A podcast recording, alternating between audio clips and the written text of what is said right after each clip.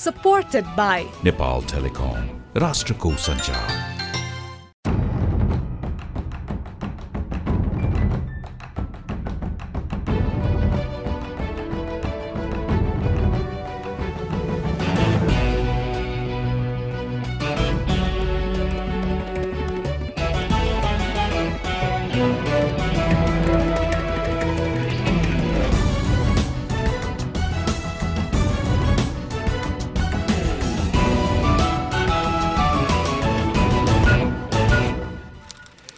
एउटा सफल युवा वैज्ञानिकको बाल्यकाल कस्तो हुँदो रहेछ भनेर नि? कहाँ जन्मनुभयो कस्तो विद्यालयमा कसरी पढ्नुभयो?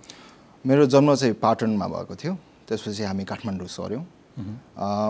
काठमाडौँ सरेपछि चाहिँ मेरो बुवा पिएचडीको लागि जर्मनी जानुभएको थियो। सँगै हामी गयौँ त्यहाँ पनि। अनि त्यसपछि फर्केर आएपछि चाहिँ मलाई नेपाली र अङ्ग्रेजी बोल्न आउँदैन थियो जर्मन मात्रै बोल्न आउँथ्यो। त्यसले गर्दाखेरि स्कुलमा अलिकति अप्ठ्यारो पऱ्यो तर मेरो त्यहाँको म्याथमेटिक्सको बेस चाहिँ अलिक राम्रो भयो।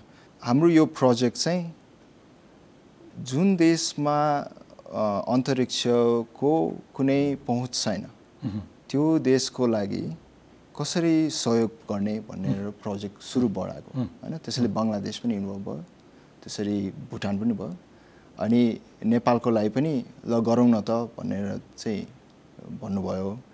त्यसपछि म कोरियामै थिएँ त्यो बेला। मैले पाइसकेको थिएँ तर काम गरिरहेको अवस्था अवस्था थियो। प्रोफेसरले मलाई इमेल पठाउनु भयो। त्यसपछि प्रोफेसर असिस्टेन्ट प्रोफेसर जर्ज मैदा भन्ने। हाम्रो मेन प्रोफेसर चाहिँ प्रोफेसर मेङ्गु छो। प्रोफेसर जर्ज मैदा र म चाहिँ नेपाल आएर हामीले अप्रिलको दुई हजार सत्र सालमा प्रपोजल अगाडि बढायौँ। हामीले चाहिँ चौधौँ प्लान हेऱ्यौँ त्यो बेला। चौधौँ प्लानमा के लेखेको रहेछ भने जो दुई वर्ष अब त्यो बेला चौध प्लानमा चाहिँ तिन वर्षको प्लान हुने रहेछ होइन? र एक वर्ष गइसकेको थियो। र हामीले के देख्यौँ भने चाहिँ त्यहाँ आफ्नै जनशक्तिले होइन भूउपग्रह बनाउने आफ्नै दक्षताले भूउपग्रह बनाउने आफ्नै पैसाले भूउपग्रह बनाउने भनेको लेखेको रहेछ। हुन त त्यो लेख्न चाहिँ ठुलो भूउपग्रहको लागि लेखेको होला। तर कस्तो देखियो भने दुई वर्षमा कसरी चाहिँ हामीले यो प्रो यो सघाउन सक्छौँ त भन्ने प्रश्न उठ्दाखेरि डिस्पाइट त्यो डकुमेन्टेसन बाहेक अरू ग्राउन्ड वर्क पनि भइसकेको थिएन त्यो ग्राउन्ड वर्क चाहिँ भएको थिएन। ओके हजुर। अनि हाम्रो के भयो भने चाहिँ हाम्रो मिनिस त्यो बेला चाहिँ विज्ञान र प्रविधि मन्त्रालय थियो होइन? अहिले चाहिँ एजुकेसनमा गएको छ। त्यो बेला चाहिँ हामीले प्रपोजल अगाडि बढायौँ। र नास्टको नास्टको सेक्रेटरी पनि हुनुहुन्थ्यो त्यहाँ। अनि के डिसिजन भयो भने त्यहाँ चाहिँ नासले अगाडि बढाउनुपर्छ भन्ने भयो। त्यसपछि हामी क्युसु इन्स्टिच्युट अफ टेक्नोलोजी र नास्ट मिलेर हामीले प्रपोजल अगाडि बढायौँ। हजुर। त्यसैको परिणाम हो नेपाली स्याट वान हजुर हो। होइन। यो चाहिँ अहिले अन्तरिक्षमा छ। अन्तरिक्षमा छ। पछिल्लो अपडेट के छ नेपाली स्याट वानले के गरे तपाईँले तस्बिर खिच्यो। तस्बिर खिच्यो। कस्तो तस्बिर खिच्यो? अहिले चाहिँ हामीले श्रीलङ्काको नेपालको पनि तस्बिर खिच्न भ्याइसक्यो तर नेपालको खिच्दाखेरि चाहिँ हाम्रो भुटान बङ्गलादेश चाइनाको पनि तस्बिर आएको छ। श्रीलङ्काको चाहिँ ठ्याक्क आइल्यान्ड चाहिँ हामीले फोटो खिच्न भ्याएको छौँ। हजुर। नेपाली स्याटले के के गरेर ओके। पहिलो कदम चाहिँ के गर्न सक्छौँ त? बेसिक काम चाहिँ के गर्न सक्छौँ त भन्दाखेरि एउटा फोटो खिच्ने थियो। फोटो खिचेर देखाउनु। अर्को चाहिँ लङ रेन्ज मोड्युल भन्ने हामीले राखेको छौँ। है यो चाहिँ कम्युनिकेसन मोड्युल हो। त्यो मोड्युलबाट चाहिँ हामीले डेटाहरू है भू यो भूभागमा हुने के के छ त अब पानीको मात्रादेखि लिएर भोइस इन्फर्मेसन त्यस्तो कुराहरू चाहिँ सेटेलाइटमा हामीले पठाउने र सेटेलाइटले स्टोर गर्ने होइन र सेटेलाइटले चाहिँ गएर अर्को एउटा ग्राउन्ड स्टेसन हाम्रो पन्ध्रवटा ग्राउन्ड स्टेसन छ। त्यो त्यसमा चाहिँ फरवर्ड गर्ने भएर स्टोर एन्ड फरवर्ड भन्ने मिसन हामीले राख्न खोजेको हो। तर त्यसको प त्यसको लागि चाहिँ हामीले पहिला त्यो मोड्युललाई टेस्ट गर्नु पऱ्यो नि अन्तरिक्षमा। त्यो चाहिँ टेस्ट गरेर पनि भ्यायौँ हामीले। ओके सो फर्स्टमा चाहिँ फोटो खिचेर पनि भ्यायौँ। फोटो खिच्छ भने यो। तिन महिनामा। आवासजी म अलिकति बकिए जस्तो लाग्यो किनभने हामी सधैँभरि पृथ्वीको कुरा गरिरहेछौँ। यहाँको राजनीति यहाँको समाजको बारेमा प्रशस्त कुरा हुन्छ नै। तर एउटा युवा वैज्ञानिक जसले मुलुकको एउटा सेटेलाइट बनाएर प्रक्षेपण गरिरहेछ जसले अ, अन्य मुलुकका लागि सेटेलाइट बनाउन योगदान पुऱ्याएको छ यो बारे यसै पनि छलफल म बढी लोभिरहेको छु। मलाई तपाईँले सोध्न मन लागेको चाहिँ जब हामीले यो अन्तरिक्षमा यो किसिमको प्रदूषण बढ्दो छ डेब्रिसहरू एकदमै धेरै छ भनिसकेपछि। त्यसले कुनै एउटा कालखण्डमा त्यो पृथ्वीका लागि अथवा यो यो समग्र अन्तरिक्षका लागि च्यालेन्ज हुँदैन। तपाईँहरू साइन्टिस्टहरू त्यो विषय पनि अध्ययन गर्नुहुन्छ होला नि? पक्का पनि च्यालेन्ज हुन्छ। त्यसैले हामीले चाहिँ अहिले के गरेको छ भने सेटेलाइट अथवा सेटेलाइट प्रक्षेपण गर्नु अगाडि चाहिँ तपाईँको पच्चिस वर्षसम्ममा चाहिँ यो खत्तम हुन्छ भनेर देखाउनु पर्ने हुन्छ डिब्रेस हुँदैन भनेर देखाउनु पर्छ एनी सेटेलाइट तपाईँले जुन प्रक्षेपण गर्नुहुन्छ। तपाईँको इन्स्टिट्युसनले युनिट टु मेक स्योर कि यो चाहिँ यो डेब्रिस रहँदैन। रहँदैन। यो डेमोलिस हुन्छ। टोटल्ली त्यो चाहिँ अगाडि नै अब हामीले यस्तो खालको सानो सेटेलाइट जुन चाहिँ हामीले देखिसक्यो कि दुई वर्षमा चाहिँ अब यसको अवधि सकिन्छ भनेर चार सय किलोमिटरमा। अब तपाईँको छ सय किलोमिटरमा हुने बित्तिकै बढ्छ त्यसको अवधि। तर यो चार सय किलोमिटरमा हुँदाखेरि दुई वर्ष मात्रै बस्छ भन्दाखेरि पनि हामीले चाहिँ देखाउनुपर्छ कि पच्चिस वर्षमा चाहिँ तल चढ्छ भनेर। अनि झर्ने सिलसिलामा चाहिँ कहाँ कसरी झर्छ? कसैको टाउकोमाथि कसैको घरमाथि कुनै समुद्रमा। अथवा त्यो आइपुग्दैन त्यहीँ कहीँ त्यही अन्तरिक्षमा हराउँछ अथवा त्यसले प्रदूषण नगर्ने गरी त्यसको कुनै रूप नरहने गरी हराउँछ? प्रदूषण त पक्का पनि हुन्छ है? तपाईँ तपाईँ छिर्दाखेरि चाहिँ आग लागि हुन्छ त्यसको। अनि त्यो त्यो रिइन्ट्री भन्छ हामीले। त्यो सेटेलाइट चाहिँ पृथ्वीको आकाशबाट भित्र छिर्दाखेरि रिइन्ट्री हुन्छ। त्यो रिइन्ट्री हुँदाखेरि चाहिँ आफू जल्ने हो। त्यो जलेर चाहिँ त्यो खत्तम हुन्छ त्यहीँ। धुवामा सकिन्छ। धुवामा। आकाशमा सकिन्छ। आकाशमा सकिन्छ। त्यसको कुनै टुक्रा कुनै फर्म कसैको टाउकोमा खस्दैन। खस्दैन। त्यो पक्का हो। भनेपछि कुनै निश्चित कालखण्डमा अन्तरिक्षको प्रदूषण आफै कम भएर जान्छ। हजुर। तर कस्तो छ भने अब त्यो चाहिँ इक्वेसन जस्तै हो कि तपाईँको अगाडि र पछाडिको इक्वेसन भनौँ न। अन्तरिक्षमा पठाउने धेरै छ र छिर्ने चाहिँ कम छ भने चाहिँ बढी हुँदै जाने भयो। तर हामीले अहिलेको देख के देख्छौँ भने अब वान वेब भन्ने कम्पनी छ। अर्को स्पेस एक्स आफैमा पनि अब रकेट लन्च गर्ने तर अहिले सेटेलाइटमा पनि उहाँहरू छिरिराख्नु भएको छ। होइन? त्यसपछि अब जापान थाइल्यान्ड सिङ्गापुर होइन? मा सबै यो स्पेसको सेटेलाइट बनाउने स्टार्टअपहरू सुरु भइसके। भनेपछि म के देख्छु भने यो बढ्छ मात्रै। बढ्छ मात्रै। हजुर। ओके। पल्युसन बढ्छ। मात्रै। अब पल्युसन चाहिँ नभनौँ। नभनौँ। तर त्यहाँभित्रको स्पेस सेयर गर्ने अथवा त्यहाँभित्रको इन्ट्रेस्ट राख्ने देशहरू बढ्दै जान्छन्। ओके। तपाईँले यति भनिसकेपछि अब थोरै कुरा गरौँ अन्तरिक्षकै अनि हामी फेरि विषयमा आउँछौँ। अब अन्तरिक्ष चाहिँ कसले कसरी आफ्नो पकडमा ल्याउने आफ्नो कब्जामा ल्याउने भन्ने विश्वव्यापी होड पनि चलाएको छ होइन? हजुर। त्यो होड चाहिँ तपाईँ एउटा युवा वैज्ञानिक तपाईँ कसरी देख्नुहुन्छ? अथवा नेक्स्ट टेन इयर्स अथवा नेक्स्ट ट्वेन्टी इयर्स अथवा नेक्स्ट थर्टी इयर्स अथवा अथवा यु अथवा अन्तरिक्षको फ्युचर के? कसरी देख्नुहुन्छ?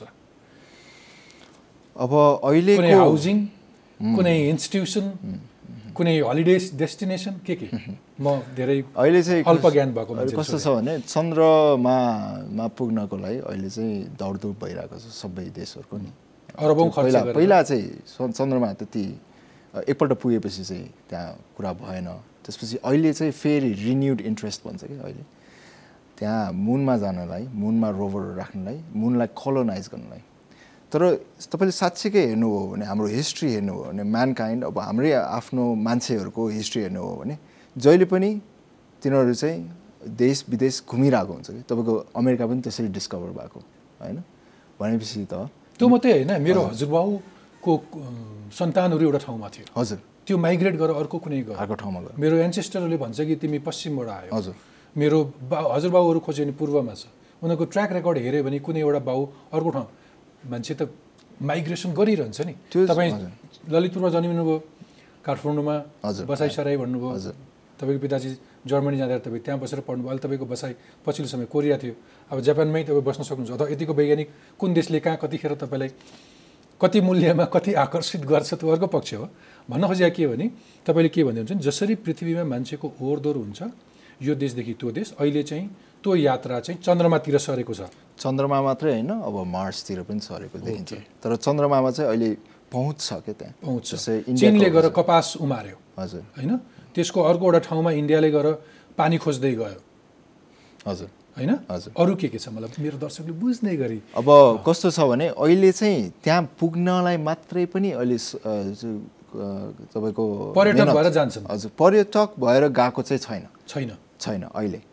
तर अहिले चाहिँ लगायो। रोबोट पहिले त गए नि। अहिले चाहिँ अब रिसेन्टली गएको चाहिँ मलाई एकजना। अमेरिकी नागरिक गए होइन? हजुर। ए त्यो चाहिँ अब मुन चाहिँ गएको चाहिँ होइन होइन? तर के छ भने हामीले के देखिन्छ भने चाहिँ तपाईँको रोबोट्सहरू अहिले रोभर्सहरू चाहिँ पुगिरहेको चन्द्रयान अब तपाईँ तपाईँको चन्द्रयान भयो होइन? तिनीहरू चाहिँ सबै अहिले मुन चन्द्र पुग्ने कुरा चाहिँ अगाडि बढिरहेको छ होइन? त्यो पनि महिनौँ लाग्छ होइन चन्द्रमा जाँदाखेरि लाग्छ त्यो सेटेलाइटमा जाने मान्छेहरूले तिनको बसाइ त्यो यसो हेर्दाखेरि त अलिकति अत्याउने खालको छ बसाइ। एकदम प्रपर गियर्स लाएर यसरी बसे जस्तो। तर महिनौसम्म त्यो कसरी बस्छन् तिनले अब- के खान्छन् मार्समा चाहिँ महिनौ लाग्छ मार्समा चाहिँ महिनौ लाग्छ चन्द्रमा चाहिँ त्यति महिना चाहिँ कति। लाग्छ? हामीले हेर्दाखेरि चाहिँ अब तपाईँको तिनदेखि चारदेखि पाँच दिन तपाईँको डिपेन्ड गर्छ के हो दिनसम्म। प्रोजेक्ट सो पाँच दिनसम्म सेम पोस्चरमा हजुर सेम गियर्समा गियर्समा हुने भयो। तर यो चाहिँ मेरो फिल्डभन्दा बाहिरको कुरा भयो है फेरि। मेरो फिल्डको कुरा चाहिँ होइन यो। तपाईँले चाहिँ अब यो मैले चाहिँ गेस मात्रै गरेको फेरि मैले यो। अन द रेकर्ड भन्नु ओके त्यसो भए त्यतातिर नजाउँ। अब आउँ हामी तपाईँको विज्ञता नेपाली स्याटमा नेपाली स्याटमै आउँ। अब भन्नुहोस् हाम्रो नेपाली स्याटको चाहिँ आकार जुन तपाईँले एक किलोको दस सेन्टिमिटर उचाइ दस सेन्टिमिटर चौडाइ र दस दस सेन्टिमिटर लम्बाइ भनेर हामीले जुन बनायौँ नि यसको निर्धारण कसरी भयो कसरी गरियो? तपाईँहरूको त्यो बर्ड वान टूको एक्सपिरियन्सको आधारले अथवा हाम्रो देशको आवश्यकताको आधारले अथवा तपाईँको अन्तरिक्ष पोल्युटेड हुन्छ भन्ने चिन्ताले? एक किसिमको सबै कुरा पनि छ। त्यहाँ। एक त जहिले पनि पहिलो कदम गर्दाखेरि सानो कदम गर्नुपर्छ। हाम्रो देशमा चाहिँ जे पनि ठुलो गर्ने ठुलो बनाउने होइन? ठुलो आँट्ने त्यो आँट्नु ठिक छ तर प्र्याक्टिकल हुनु पऱ्यो सस्टेनेबल हुनु पऱ्यो नि। त्यो त्यही अनुसारको हाम्रो जनशक्तिले के गर्न सक्छ? दुई वर्षमा हामीले स्याटेलाइट बनाउन सक्छ कि सक्दैनौँ? इन्डियामा चन्द्रायनको कुरा गर्दाखेरि भयङ्कर ठुलो आपत्ति विरोध जनाइयो। यति धेरै गरिबी छ देशमा यो यति ठुलो महँगो प्रोजेक्ट भनेर भने। सेटेलाइट चाहिँ एकदम महँगो हुन्छ।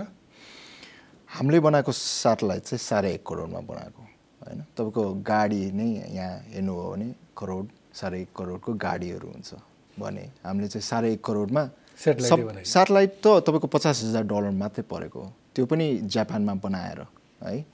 तपाईँको चाहिँ प्रक्षेपणको लागि पचास हजार डलर र हाम्रो चाहिँ हामीले इन्जिनियरिङ मोडल भन्छ त्यो चाहिँ जुन चाहिँ डेभलपमेन्ट कस्ट आरएनडी कस्ट भन्छ त्यसको लागि चाहिँ पचास हजार डलरमा हामीले बनाएको। त्यसमा सब्सिडी छ तपाईँको युनिभर्सिटीको कन्ट्रिब्युसन तपाईँहरूको उहरू पनि छ कि एभ्रिबडी अब यहाँ छ है सबै बर्ड्सको मेन हाम्रो कुरा नै देशले खर्च गरोस् भन्ने देशले चाहिँ आफ्नो लियोस् भनेर त्यो आफ्नो गर्नलाई त आफ्नो पकेटबाट खर्च गर्नु ओनरसिपको लागि? ओनरसिपको लागि। तपाईँले त्यति खर्च गर्नु तर त्यसको रियल एक्सपेन्सेस चाहिँ धेरै गुणा बढी छ भन्दै हुनुहुन्छ? हजुर हो। त्यो चाहिँ कस्तो एउटा इन्स्टिट्युसन छ त्यहाँ। हजुर, exactly. त्यत्रो ह्युमन रिसोर्सेसहरू छन्। हो। होइन? तपाईँहरूको चाहिँ देशप्रतिको सेन्टिमेन्ट छ। हो। त्यो चाहिँ तपाईँको दुईदेखि तिन गुणा बढी हुन सक्ने थियो। तर हाम्रो युनिभर्सिटी चाहिँ अहिले क्युसु इन्स्टिच्युट अफ टेक्नोलोजी भन्छ। संसारको नम्बर वान युनिभर्सिटी जहाँ चाहिँ धेरै प्रक्षेपण भएको छ सेटेलाइट्सहरू तपाईँ काम गर्ने तपाईँले पिएचडी गरिरहेको युनिभर्सिटी चाहिँ वर्ल्डको लिडिङ सेटेलाइट प्रोडक्सन गर्ने युनिभर्सिटी हो। जसको जसको। मेजोरिटी अथवा जसको अधिकांश सेटेलाइटहरू प्रक्षेपण भएको छ। हजुर। अहिले स्मल सेटेलाइट हामीले अहिले चाहिँ तिनवटा सेटेलाइट बनाइरहेको छौँ। यो वर्ष मात्रै बर्ड्स थ्रीमा तिनवटा सेटेलाइट ओके उडाइसकेको ओके ओके त्यसो तपाईँले भन्नुभयो कि यो चाहिँ देश सुहाउँदो हाम्रो आवश्यकता अनुसार र पहिलो कदम भएकोले गर्दा हामीले यो साइज नै खोज्यौँ। र यति उद्देश्य मात्रै राख्यौँ भनेर। ओके। तर यदि अघि तपाईँले हामीले सल्लाह गरे चाहिँ यदि ठुल्ठुला राष्ट्रहरूले यति धेरै इन्ट्रेस्ट राखेर अथवा यति धेरै ब्रड एरियाहरूमा चाहिँ काम गर्छन् भने अथवा सेटेलाइट तिनका लागि प्रयोग गरिन्छ भने हामीसँग पनि अलिकति रिसोर्स भइदिएको भए अथवा स्टेटको अलिकति प्रपर कमिटमेन्ट भइदिएको भए चाहिँ यसलाई हामी अलिकति एक्सपान्डेड भर्जनमा लान सक्ने सम्भावना पनि थियो। सकिन्छ सकिन्छ। तर अहिले चाहिँ हाम्रो पहिलो कदम चाहिँ यो सेटेलाइट चलाएर देखाउने थियो। यो देखाएपछि चाहिँ हामीले गर्न सक्छ भनेर हामीले चाहिँ सरकारलाई देखाउनु थियो।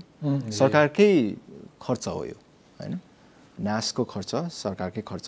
र अब चाहिँ बिस्तारै अब ठुलो योभन्दा अब डबल हुन्छ कि ट्रिपल हुन्छ कि त्यो बनाउँदै जाने। त्यो ट्रिपल थु तिनवटामा चाहिँ अहिले पाँच मिटरको रेजोल्युसनको फोटोहरू खिच्ने भइसक्यो।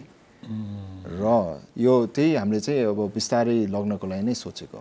कुरा भइरहेछ नाससँग सरकारसँग। सरकारको प्रतिक्रिया के छ तपाईँले यो लन्च गरेर आजसम्मको अपडेट्समा so very positive very positive सरकारले त त्यो अन्तरिक्षको सेटेलाइटको युगमा प्रवेश गर्यो भनेर प्रधानमन्त्रीले यति ठुलो भाषण गर्नुभएको थियो कि मानौँ यो एक किलोको न्यानो सेटेलाइट होइन कि? त्यो अहिलेको जस्तो कुरा थियो। भलै पहिलो कदम आफै एउटा ठुलो कदम हो। यसलाई सिम्बोलिक रूपमा लिनुपर्छ होइन? तर पहि पहिलो कदम चाल्नलाई त्यो अरू सानो कदमहरू कति अप्ठ्यारो थियो तपाईँले एक्ज्याक्ट। एक्ज्याक्टली त्यसको त्यो मर्म त्यसको महत्त्व म बुझ्छु नै। तर मैले भन्न खोजेको चाहिँ त्यसलाई हामीले अलिकति होमवर्क गर्न सकेको भए अलिक बढी कमिटमेन्ट अलिक बढी चासो इन्ट्रेस्ट दिन सकेको भए चाहिँ हामी योभन्दा अलिकति एक्सपान्डेड फर्म पनि मा आउन सक्थ्यौँ होइन? अहिले चाहिँ म ओके मेरो विचारमा चाहिँ यो हामीले जुन चाहिँ कदम चलाएँ त्यो चाहिँ राम्रो कदम चलाएँ मेरो विचारमा। ठुलो बनाउनु चाहिँ मेरो इच्छा पनि थिएन। ओके है? तर कस्तो थियो भने NAST Nepal academy of science and technology त्यसपछि सर हाम्रो सरकार मिलेर जुन चाहिँ अगाडि बढायो नि किनभने कहिले पनि यसरी प्रपोजल आएको थिएन सेटेलाइट बनाउने भनेर आफैले बनाउने भनेर हो? र हाम्रो जुन चाहिँ हरेक लेभल सरकारको हरेक लेभल नास्टको हरेक लेभलबाट सपोर्ट अगाडि पाएकोले मात्रै हामीले चाहिँ यो बनाउन सकेको। तपाईँहरूले त्यतिखेर प्रस्ताव लिएर आउँदाखेरि चाहिँ well received well received well received होइन? गर्नुपर्छ भन्ने थियो। त्यसपछि नासले अगाडि बढाउनु भयो होइन? त्यो त्यो बेलाको उपकुलपतिले पनि होइन त्यो अगाडि बढाउने भनेर जीवराज डक्टर जीवराज पोखरेल उहाँले चाहिँ अगाडि बढाउने भनेर राख्नुभयो। त्यसरी नासको हरेक लेभल तपाईँको अकाउन्ट्सदेखि लिएर होइन? तपाईँको अब प्लानिङ डिभिजन कस्तो राम्रो राम्रो कुरा सुनाउनु भयो नभए अक्सर नेपाली कर्मचारी तन्त्र अथवा नेपाली संस्थाहरूमा चाहिँ धेर ब्युरोक्रेसी बढी छ धेर प्रशासन तन्त्र छ त्यहाँ चाहिँ कुनै कुरा काम अगाडि बढाउन गाह्रो हुन्छ भन्ने धेरैको गुनासो छ। तर तपाईँहरूलाई राम्रैसँगले रेस्पोन्ड गर्यो यो अब तपाईँले यसो सोच्नु न। यो प्रोजेक्टको प्रपोजल हामीले अप्रिलको दुई हजार सत्र सालमा दिएको हो। हामीले सेटेलाइट लन्च गर्दाखेरि यो वर्ष लन्च गर्यो। त्यो बेलासम्म सरकार तिनचोटि फेरियो। भनेपछि यो प्रपोजल तिनचोटि तिनवटा सरकारबाट हुँदै गयो कि अगाडि बढेको। भनेपछि तिनवटा सरकारको यहाँ योगदान छ। ओके सुन्दर पक्ष। अनि यो नेपाल सेटेलाइट नेपाल स्याट एक चाहिँ चार सय किलोमिटरको जुन दूरीमा राख्यौँ हामीले यो चाहिँ कतिमा राख्ने अथवा कसरी राख्ने भन्ने चाहिँ तपाईँ साइन्टिस्टहरूले डिसाइड गर्नुभयो हाम्रो आवश्यकता अनुसार हजुर हो त्यो चाहिँ कस्तो छ भने हाम्रो अर्को लिमिटेसन चाहिँ यो अर्बिटमा गएर राख्छु भनेर सानो सेटेलाइटले भन्न पाउँदैन। भन्न पाउँदा ठुलो सेटेलाइट चाहिँ भन्न पाउँछ। हो हो। होइन? ओके हामीले चाहिँ के गर्छौँ भने यसलाई पिगी ब्याक लन्च भन्छौँ। तपाईँले मोटरसाइकलमा मेरो दाइ चाहिँ अब बानेश्वर जान लागेको रहेछ। म अनामनगरमा झर्छु भनेर गएको जस्तै हो यो चाहिँ। दाइ चाहिँ अब के अरे यो बाटो जाँदैछु। म पनि एकपल्ट मोटर बाइक चलेर जान्छु भनेर भनेको जस्तै हो कि? ओके अनि इन्ट्रेस्टिङ तपाईँहरू नास्टमा आउँदै गर्दा चाहिँ यो बारे अवेर अथवा यो बारे अपडेटेड अथवा यो बारे नलेज राख्ने साइन्टिस्टहरू चाहिँ कति हुनुहुन्छ? नास्ट आफैमा कस्तो खालको कम्पोजिसन छ? नास्टमा चाहिँ अहिले कस्तो थियो भने अगाडि चाहिँ अभियसली होइन यो नयाँ कुरा भएकोले चाहिँ एजुकेसन दिनुपर्ने अवस्था चाहिँ थियो। ओके। तर उहाँले यति साह्रो चाहिँ लिइदिनु भयो कि त्यो कुरा अगाडि लिएर। किनभने if you think about it यस्तो खालको अपर्च्युनिटी कमै आउँछ। यति कम पैसामा यति हामीले सेटेलाइट लन्च गर्ने पहिलो सेटेलाइट लन्च गर्ने अप अपर्च्युनिटी कम थियो. र नासले पनि देख्यो त्यो। नासले देखेपछि चाहिँ अगाडि बढ्यो। अनि हामी त्यही प्रोसेसमा चाहिँ यो के हो त? सेटेलाइट के हो? यसले के गर्न सक्छ? होइन? र यो एजुकेसन दिने कामहरू पनि हामीले गर्दै गयौँ। र नास्ट र क्युटेक मिलेर चाहिँ अगाडि बढेको। इन्ट्रेस्टिङ अनि त्यो पेमेन्टहरू टाइमली पेमेन्टहरू थियो? पेमेन्टको चाहिँ अब तपाईँको अर्कै कथा छ। लामो कथा छ। तर सर्टकरीमा भन्दाखेरि चाहिँ के हो भने हाम्रो त्यस्तो प्रक्रिया नै रहेन रहेछ कि? त्यसरी पैसा जाने नि। अब नेपाल सरकारले विदेशको कुनै संस्थालाई कुनै सेवा लिए बापत पैसा तिर्ने प्रक्रियाहरू प्रक्रिया त छ तर सेटेलाइटको लागि भनेर लेखेको पनि छ रहेछ होइन? तर यो चाहिँ एकदम स्पेसल केस भएकोले चाहिँ अप्ठ्यारो पऱ्यो अब ट्याक्स पनि कति तिर्ने भन्ने क्वेसन आइरहेको थियो क्या त्यहाँ? मैले कर्मचारी तन्त्र भनेको त्यही हो। तर त्यसले त्यति धेरै हर्डल क्रिएट गरेर हर्डल क्रिएट गर्नु त गऱ्यो तर सबै मिलेर चाहिँ हामीले सुल्झायो त्यो। समय अब हेर्नु है अप्रिल दुई हजार सत्रमा हामीले प्रपोजल बुझायौँ हो। अक्टोबरको दुई हजार सत्रमा प्रपो के अरे तपाईँको प्रोजेक्ट सुरु भयो। तर पैसा आउँदाखेरि चाहिँ झन्डै झन्डै तपाईँको अक्टोबरको टु थाउजन्ड एटिनमा पैसा आयो. Hundred percent okay. हजुर। अनि अब अब यो साइजबाट वाट नेक्स्ट तपाईँहरूले अर्को लेभलमा पनि सोच्दै हुनुहुन्छ। हजुर। होमवर्क भएको छ। कस्तो के कुन लेभलमा हुन्छ तपाईँ कि यसैको अब भगल्ला चार महिना भएको छ भनेर त्यसैको अरू यसमै बढी फोकस भइरहने स्थिति छ अथवा वाट नेक्स्ट अब अहिलेबाट प्लान गर्न थालौँ। अर्को ग्राउन्ड वर्क सुरु भएको छ। ग्राउन्ड वर्क सुरु भइसक्यो तर हामीले पब्लिकली भन्नु पाएको छैन कति कतिसम्म के छ अलिकति भनिदिनुहोस् न। ग्राउन्ड वर्क चाहिँ अब के हो भने अ, यहाँको ग्राउन्ड वर्क त होइन तर अहिले कित्सुने भन्ने प्रोजेक्ट अहिले सुरु भइसक्यो क्युटेकमा हाम्रो इन्स्टिट्युटमा कित्सुनेमा नास पनि इन्भल्भ हुन्छ। कित्सुने चाहिँ योभन्दा छ गुणा ठुलो हुँ, होइन। अनि हाम्रो इन्जिनियर हरिराम श्रेष्ठज्यू जो चाहिँ मसँग पनि दुईजनाले काम। गरेको। उहाँ पनि इन्भल्भ हुनुहुन्छ। कित्सुने प्रोजेक्टमा उहाँ चाहिँ अहिले बर्ड्स फोरमा पनि इन्भल्भ हुनुहुन्छ। गुड न्युज हजुर। बर्ड्स फोरमा चाहिँ जुन चाहिँ फिलिपिनो त्यसपछि तपाईँको प्यारागोय र जापानको तिनवटा सेटेलाइट हुन लागेको छ। उहाँले चाहिँ इलेक्ट्रिकल पावर सिस्टम पनि हेरिराख्नु भएको छ अहिले। अनि त्यो गरेको कारण चाहिँ के भने हामीले दक्ष जनशक्ति बनाउनको लागि एउटा प्रोजेक्टमा मात्र होइन मल्टिपल प्रोजेक्ट्सहरूमा काम गर्नु पऱ्यो होइन? किन एउटा प्रोजेक्टको एउटा सर्टन च्यालेन्ज हुन्छ। त्यो चाहिँ अर्को प्रोजेक्टको अर्कै च्यालेन्ज हुन्छ। त्यो लर्निङ Learning र एक्सपिरियन्स। अप्लाई गर्दाखेरि त सेकेन्ड त फेरि दोस्रो पाइला त सजिलो हुन्छ। सजिलो हुन्छ।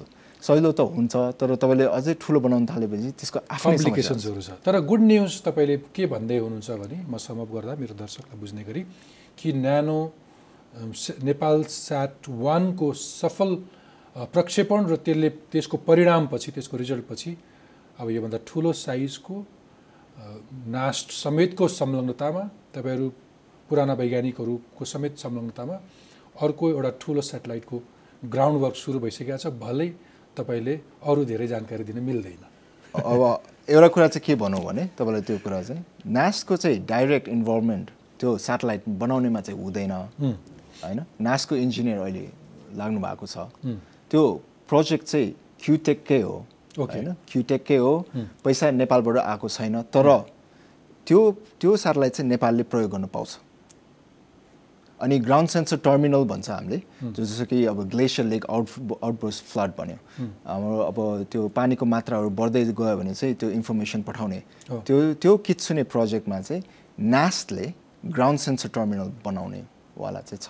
त्यो चाहिँ बनाउँछ भन्न खोजेको यसको अन्तरिक्षमा यो सेटेलाइट सहितको हाम्रो प्रवेशले हामी अरू लामो यात्रामा निस्किँदैछौँ। हजुर। त्यसो भन्न मिल्छ। ओके।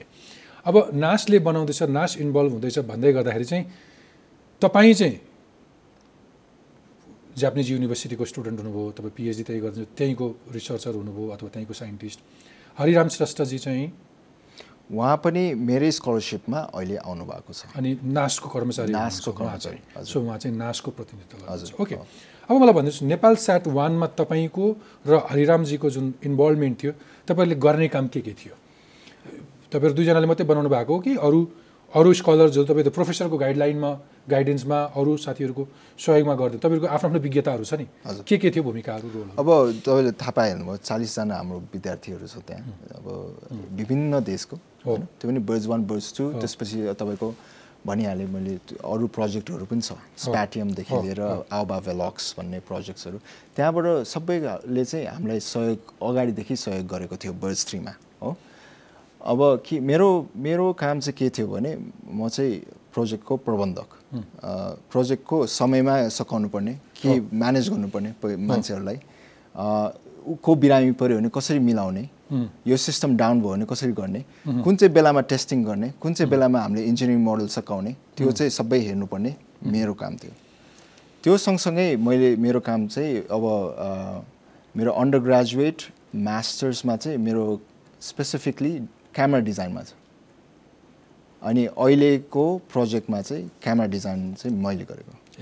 हजुर। अनि मेरो काम चाहिँ क्यामेरा थियो। कस्तो थियो भने हरिराम श्रेष्ठज्यू र म मैले चाहिँ सब सिस्टम हेर्छ क्या हामीले। ओके कम्प्लिटली सेटेलाइट चाहिँ हामीले बनाएको चाहिँ होइन। हामीले सब सिस्टम हेर्छ। धेरै साथीहरू हुनुहुन्छ सबले एक एकवटा एक एकवटा काम गर्नुहुन्छ। त्यसै एक काम गरेपछि श्रीलङ्काको लागि पनि त्यही काम त भयो नि क्यामेरा हामीले बनाए पनि। श्रीलङ्कालाई काम आयो नि त्यो। श्रीलङ्काले चाहिँ अर्को सामान बनाउँछ हो। त्यो चाहिँ हामीलाई काम लाग्यो श्रीलङ्काको लागि पनि काम त्यो चाहिँ कोलाबोरेटिभ एफर्ट र कम्पिटेटिभ पनि छ।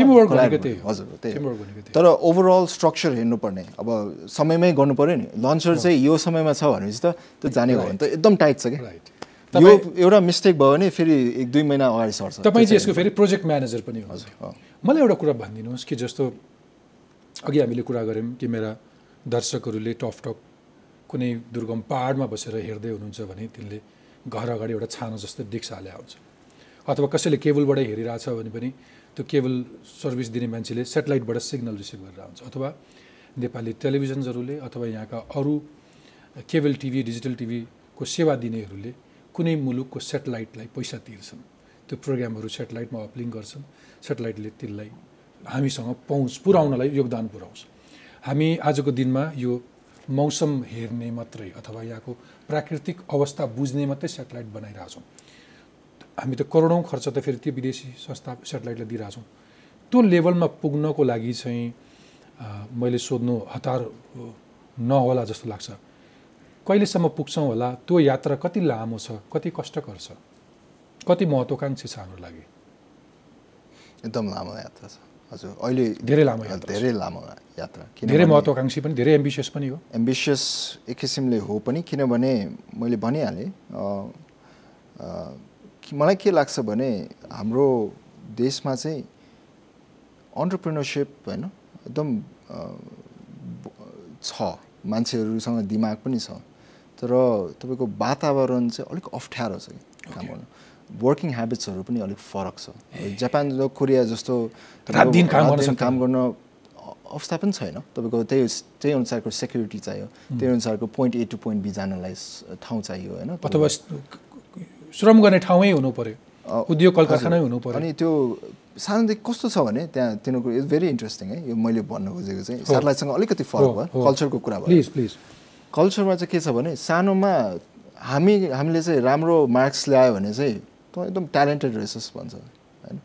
उतातिर चाहिँ धेरै मिहिनेत गरिस् है भन्छ। त्यति मात्रै फरक। धेरै मिहिनेत गर्यो। कल्चरमै त्यही छ। मिहिनेत गऱ्यो भने जे गर्यो भने समय दियो भने गर्न सक्छस् भन्ने छ। हाम्रो त्यो नै अलिक फरक हुर्काइ भयो। स्कुलिङ नै। स्कुलिङ नै फरक। अब ब्राङ्गटो स्कुलमा जस्तोमा पनि तपाईँको चाहिँ जसले चाहिँ म्याथमेटिक्समा राम्रो गरिरहेको छैन भने चाहिँ उसको ट्यालेन्ट छैन भन्ने जस्तो कुरा निकाल्थ्यो कि? खासमा त उसलाई त्यो भल- तपाईँले पढ्दै गर्दाखेरि अथवा आज पनि एउटा वान मुलुकको one of the best school हजुर, जहाँ हो। राज परिवार सबै पढ्थे। ओके ए तर फेरि त्यो कल्चरभन्दा फेरि यता रियलिस्टिक साइडमा जोडिएर आउँदाखेरि चाहिँ त्यो यात्रा लामो छ तर कति लामो छ? कति कष्टकर छ? कति धेरै एम्बिसियस छ? त्यसलाई अझै ब्रेकडाउन गरिदिनुहुन्छ? अब तपाईँ एउटा यङ भइकन धेरै पोजिटिभ हजुर। सोच्दाखेरि पनि त्यो कति समय जति लाग्छ होला त्यो लेभलमा पुग्नलाई? अब हामीले टार्गेट गर्न सक्छौँ होला twenty thirty twenty thirty five है। तर कस्तो छ भने तपाईँको समय मैले फेरि ब्याक टु कल्चरै आएँ। तपाईँलाई उता अस्सी प्रतिशत समय मेरो काममा खर्च हुन्छ भने होइन? बिस प्रतिशत चाहिँ तपाईँको डे टु डे मेन्टेनेन्समा जान्छ।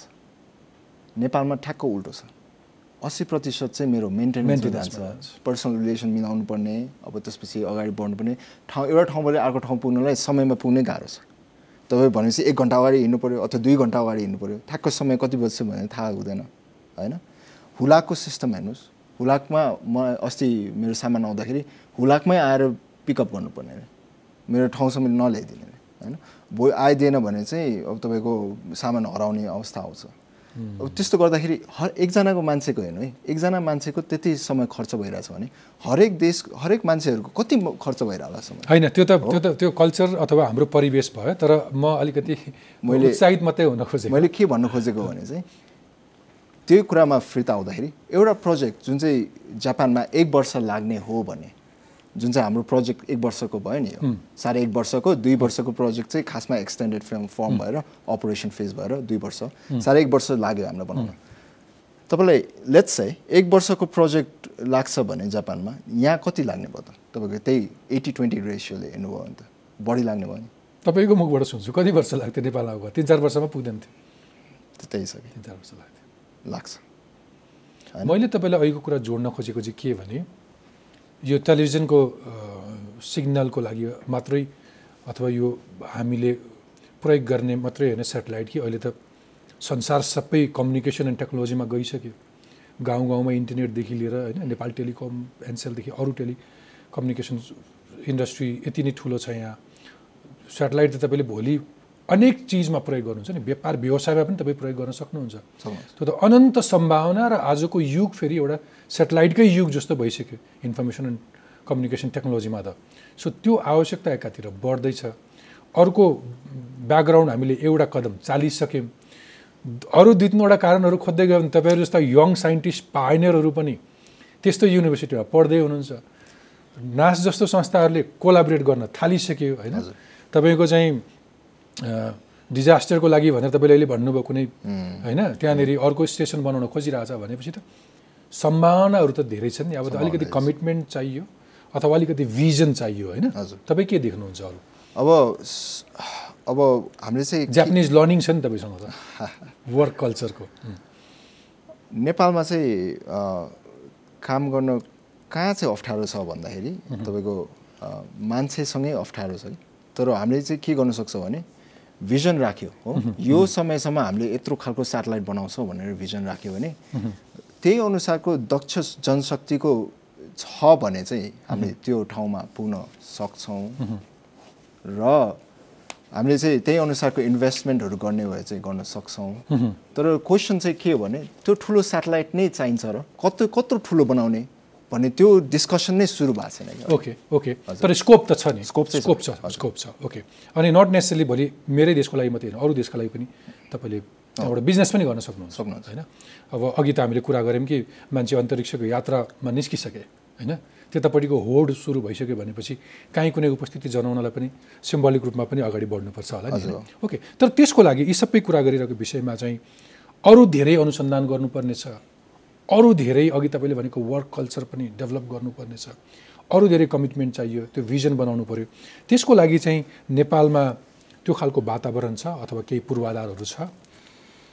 सेटेलाइट स्पेसिफिक पूर्वाधार चाहिँ छैन होइन? सेटेलाइटको लागि कति जरुरी छ?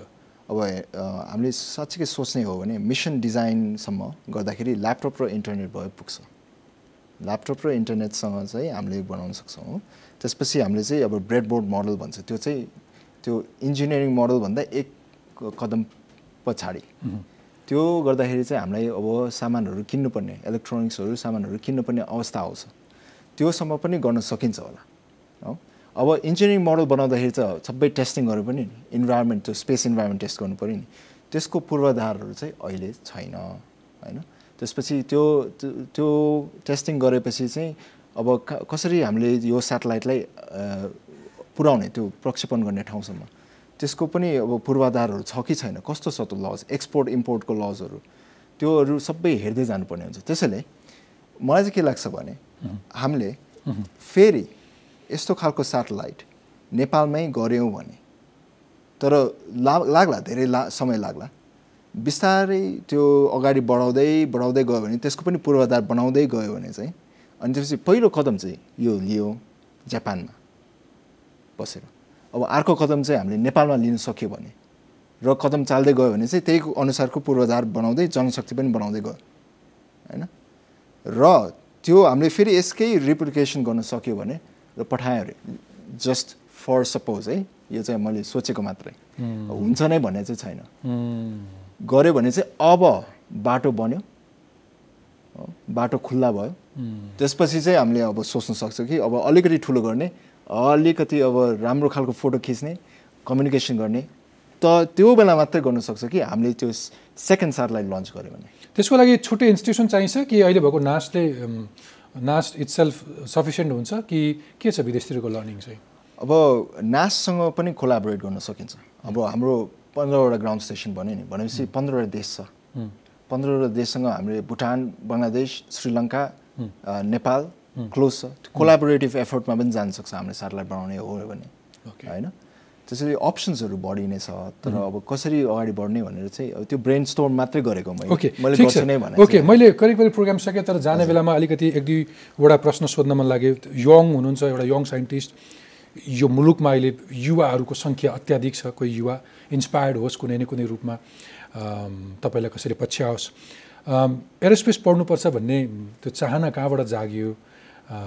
कसरी तपाईँको प्रवेश भयो? केही अब पत्याउनु हुन्छ कि हुँदैन? खासमा चाहिँ मैले कहाँ चाहिँ गएर मेरो अरूहरूले चाहिँ सबैले सिभिल इन्जिनियरिङहरू लिने? अरू इन्जिनियरिङ लिने थियो। मेरो सोच चाहिँ के थियो भने सिभिल इन्जिनियरिङ लियो भने त धेरै प्रतिस्पर्धामा पढ्नु पऱ्यो नि। होइन? धेरै कम्पिट गर्नु पऱ्यो मैले चाहिँ कुन चाहिँ लेस कम्पिट गर्नु भन्ने चाहिँ सोचेँ कि त्यसरी उल्टो सोचेँ मैले होइन? मलाई चाहिँ कसरी सजिलो हुन्छ बाटो खोज्नलाई भनेर। तर एरोस्पेस लिने बित्तिकै फेरि समस्या के छ भने यहाँ आएर के गर्ने त भन्ने। तर हामीले के देखेछौँ भने जापान कोरियाको कुरा सिक्ने हो भने अन्टरप्रिनरसिपको डेभलप भएको छ त्यहाँ। अब फर्केर जागिर नै दे भन्ने कुरा आउँदैन आफै जागिर चाहिँ क्रिएट गर्नुपर्छ। त्यो विचारमा चाहिँ मैले एरोस्पेस लिएँ। र इट बिकम फ्रुटफुल भनौँ एक किसिमले च्यालेन्ज लिए हो तपाईँले। एक किसिमले च्यालेन्ज पनि भयो। हजुर च्यालेन्ज पनि भयो अनि एक किसिमले अब लेट्स सी भन्ने जस्तो हुँदो रहेछ कि। तपाईँको एउटा एकदम रमाइलो कथा छ। खुट्टा भाँचिन्छ अरे लेट्स सी भन्यो होइन? त्यसपछि वार हुन्छ त्यो खुट्टा भाँचेकोले जान सक्दैन। लेट्स सी भन्यो। त्यो त्यसपछि त्यो हेर्दै जस्ट त्यो सर्कमस्टान्समा राम्रो नै हुन्छ भन्ने पनि हुँदैन नराम्रो नै हुन्छ भन्ने हुँदैन। लेट्स सी भन्ने अगाडि बढ्ने रहेछ। होइन मैले मैले चाहिँ कतातिर जोड्न खोजेँ भने एउटा सानो यङ उमेरमै तपाईँले यो जुन उचाइ प्राप्त गर्नुभएको छ अथवा एउटा रेकग्नेसन पाउनु भएको छ नेपाली युवाहरूलाई तपाईँबाट केही प्रेरणा लिन सक्छन्। के भन्नुहुन्छ यङ युथ्सहरूलाई स्कुल कलेज गइरहेको विद्यार्थीहरूलाई? म ब्राङ्गटो स्कुलमा पढ्दाखेरि स्कुलमा पढ्दाखेरि सबैभन्दा राम्रो पढ्ने पनि होइन। राम्रो पढ्ने त हो। तर सबैभन्दा राम्रो पढ्ने पनि धेरै राम्रो पढ्नेहरूले त्यसै भन्छ। अब हाम्रो साथीहरू एमआइटी गए प्रिन्सटन गए मैले भन्नु खोजेको एकजना साइन्टिस्ट हुनुहुन्छ मैले योभन्दा इन्टरभ्यू गराएको थिएँ उहाँको। हो। सो मैले के भन्न खोजेको भने चाहिँ यु डु जस्ट इनफ आफूले सक्ने गर्यो र गर्दै गएपछि चाहिँ त्यो बेलाको मेहनत त्यही बेलामा चाहिँ मेहनत गर्न सक्यो भने चाहिँ अर्को कुरा बाटो खोल्ने रहेछ कि। ए। के त्यो लङ टर्म भिजन राख्दाखेरि कहिले त प्लान गरे अनुसार जहाँ जे गरिदिन्छ त्यो प्रपरली फोकस राम्रोसँग गरेर गर्नुपर्छ हामीले गरेको पनि त्यही हो। अहिले कस्तो भयो भने नेपाली साथ मैले पहिलो साथलाई बनाउँछु हरिराम दाईसँग बनाउँछु भन्ने मैले सोचेको पनि थिएन होइन? मैले त्यो कहिले पनि सोचेको थिएन कि स्कुलमा हुँदाखेरि मैले आफ्नो पहिलो साथलाई बनाउँछु भनेर। तर के भयो भने एसएलसी तर नोइङली अनोइङली तपाईँसँग त्यतिखेर चाहना थियो नि। तपाईँ केही केही कुरा रेसेम्बल गर्दै हुनुहुन्थ्यो होइन? त्यो चाहिँ पारा त आइसकेको थियो नि तपाईँले अहिले। नभने पनि त्यो ब्याक अफ द माइन्ड कहीँ तपाईँको बडीमा छिरिरहेको छ। हाम्रो परिवारको ब्रेन वासिङ भनौँ न। बिस्तारै ब्रेन वास गर्दै होइन? अब बुवा आमाले ब्रेन वास गर्दै फेरि आजभोलि त एउटा बच्चालाई आफ्नो हिसाबले ग्रो हुन दियो पनि भन्ने भनाइ छ ओके तर अब लास्ट क्वेसन तपाईँलाई जाँदै जाँदै यही क्षेत्रमा कसैलाई आउन मन लाग्यो? तपाईँको यो सेटेलाइटको यो मोडल हेर्दै गर्दाखेरि तपाईँसँगको यो यो दुईवटा अङ्कको लामो संवाद हुँदै गर्दाखेरि तपाईँबाट प्रेरित त हुनसक्छ नि। कोहीलाई तपाईँको क्षेत्रमा आउन मन लाग्यो भने के एडभाइस गर्नुहुन्छ? एरोस्पेसमा कस्तो छ भने अब मेरो एरोस्पेस फेरि विधा ठुलो छ। र सेटेलाइटमा आउने हो भने चाहिँ के छ भने तपाईँले सेटेलाइट पढे पनि सेटेलाइटको हेर्नुभयो भने चाहिँ थाकमा रोबोटिक्ससँग पनि मिल्न जान्छ। इलेक्ट्रोनिक्स पनि मिल्न जान्छ। कम्प्युटर इन्जिनियरिङ पनि हो। So it's a mix of everything mechanical engineering पनि हो तपाईँको. स्ट्रक्चरको सो जुन विधाको पनि मान्छे हामीलाई चाहिरहेको हुन्छ भनेपछि उल्टो पनि हुने भयो नि त। तपाईँको मेकानिकल इन्जिनियरहरू सेटेलाइटमा काम गर्न सक्छ भने सेटेलाइट इन्जिनियरहरू मेकानिकल ट्रिमेन्डियस अपर्च्युनिटिजहरू भएको. विधा हो हजुर। भनेपछि तपाईँले यो सेटेलाइट बनाउन सक्नुहुन्छ भने रोबोटिक्समा पनि काम गर्न सक्नुभयो। हो? त्यो चाहिँ कुनै पनि एम्बेडेड सिस्टममा काम गर्न सक्नुभयो। त्यसैले चाहिँ सेटेलाइट इन्जिनियरिङ पढ्छु तर अपर्च्युनिटिज छैन भने चाहिँ हुँदैन। सेटेलाइट इन्जिनियरिङ पढ्नुभयो भने चाहिँ you can go any field you want okay यो त करियर काउन्सिलिङ जस्तो पनि भयो। आवासजी व्यस्तताका बावजुद तपाईँ एउटा रिसर्चर एउटा साइन्टिस्ट तपाईँको ल्याबमा बढी समय बित्नुपर्ने मान्छे स्टुडियोमा लामो समय राख्ने तर तपाईँको यो महत्त्वपूर्ण उपस्थिति र विचारका लागि धेरै धेरै धन्यवाद। Thank you so much